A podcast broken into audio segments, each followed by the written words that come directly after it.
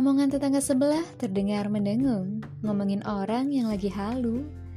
Mau bikin podcast tapi bingung, mulai aja dulu. Ya mungkin itu sih yang lagi gue rasain sekarang. Gue sering dengerin orang ngebaca di podcast mereka. Tapi ada isinya alias ada ilmu yang disajiin, ya meskipun gak semua. Di satu sisi gue juga pengen ikutan gitu, tapi di sisi lain gue bingung nih konsep apa yang bisa gue tawarin ke pendengar? Yang semoga aja sih ya bersedia membuang waktunya buat dengerin gue. Mau ngomongin kisah percintaan tapi gak ada menarik dari gue alias notes uh, kalau bahasa Arabnya tuh mafsyur alias mafisyuar alias nggak ada rasa alias no ekspresi. Makari juga gue hitungannya fresh graduate sih guys. Jadi belum banyak meminum air garam untuk pengalaman-pengalaman kerja tapi mungkin di the next episode gue bakal cerita karir kali ya. Semoga gue bisa lebih pede nih nyeritainnya kalau semua. Oh iya, ngomong-ngomong soal pede atau percaya diri nih ya.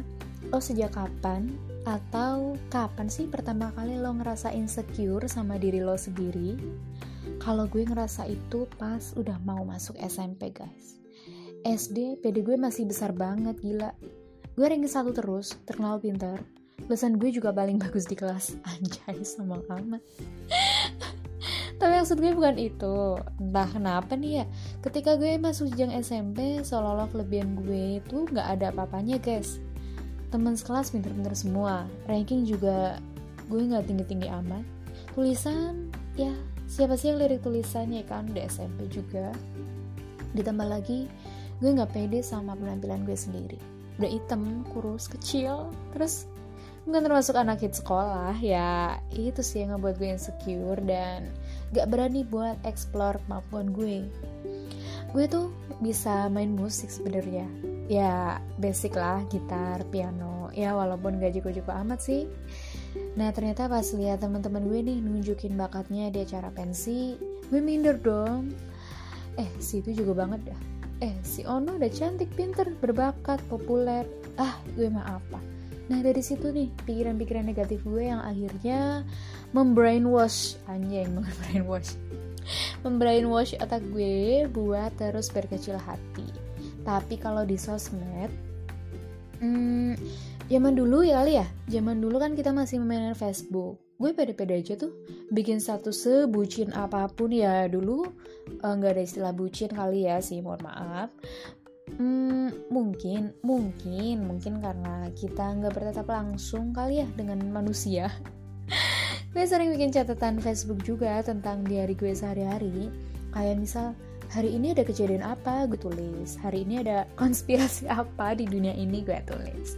Ya, random aja gitu, gue menulis apaan. Dan herannya, gue pede-pede aja tuh ngeluarin unek-unek di situ. Padahal kalau di dunia nyata gue tuh pendiam ngikutin aja lu di kelas. Mereka bilang A gue ikutan A. Mereka bilang B gue ikutan B. Kagak pernah komen gue.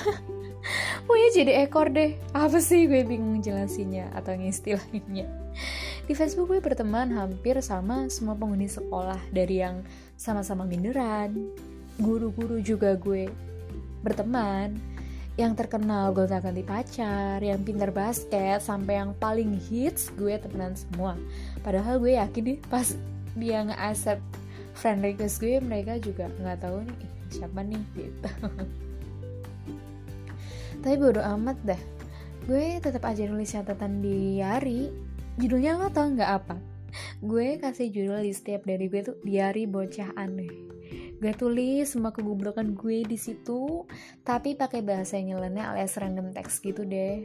Kayak misal gini deh uh, gue pernah kejadian pas ujian terus teman gue nyontek. Tapi gue nulisnya gini guys.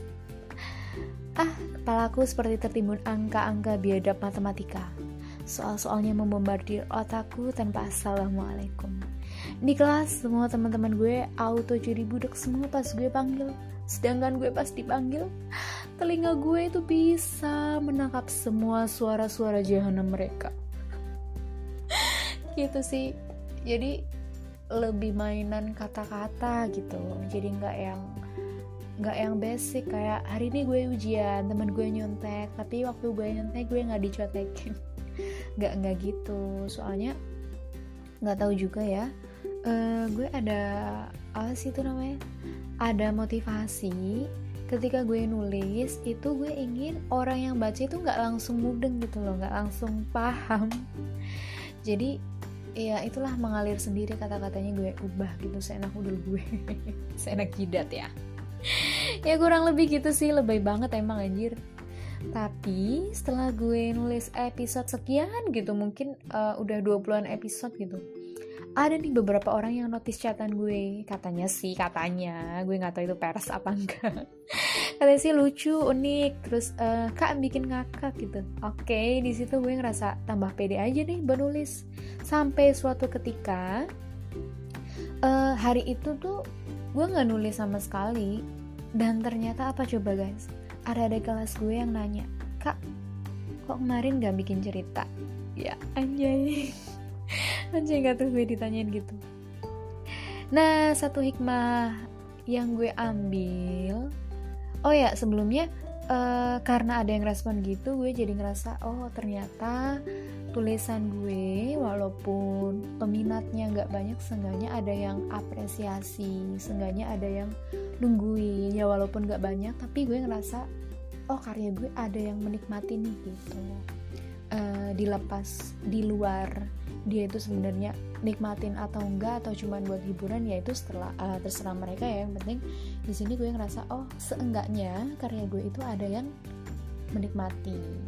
Nah satu hikmah yang gue tangkep nih ya. Jadi setiap orang tuh berbeda-beda guys. Ya iyalah kalau sama namanya kembar. Lo itu punya keunikan tersendiri yang ada di hidup lo. Mungkin lo insecure di dunia nyata. Tapi siapa tahu kan ternyata lo punya segudang keistimewaan yang bisa lo perlihatkan atau bisa dipertontonkan lewat media. Media sosial contohnya kayak vlog, blog atau apalah itu sekarang udah banyak ya. Ada TikTok, ada Anchor juga ada podcast juga Spotify. Ya banyak lah pokoknya. Dan itu nggak salah guys. Siapa tahu emang ranah karir kita itu beda-beda ada orang yang karirnya itu dia harus speak up di depan publik. Ada juga yang karirnya dia emang di balik layar gitu. Asal maksimalin diri lo aja potensi lo.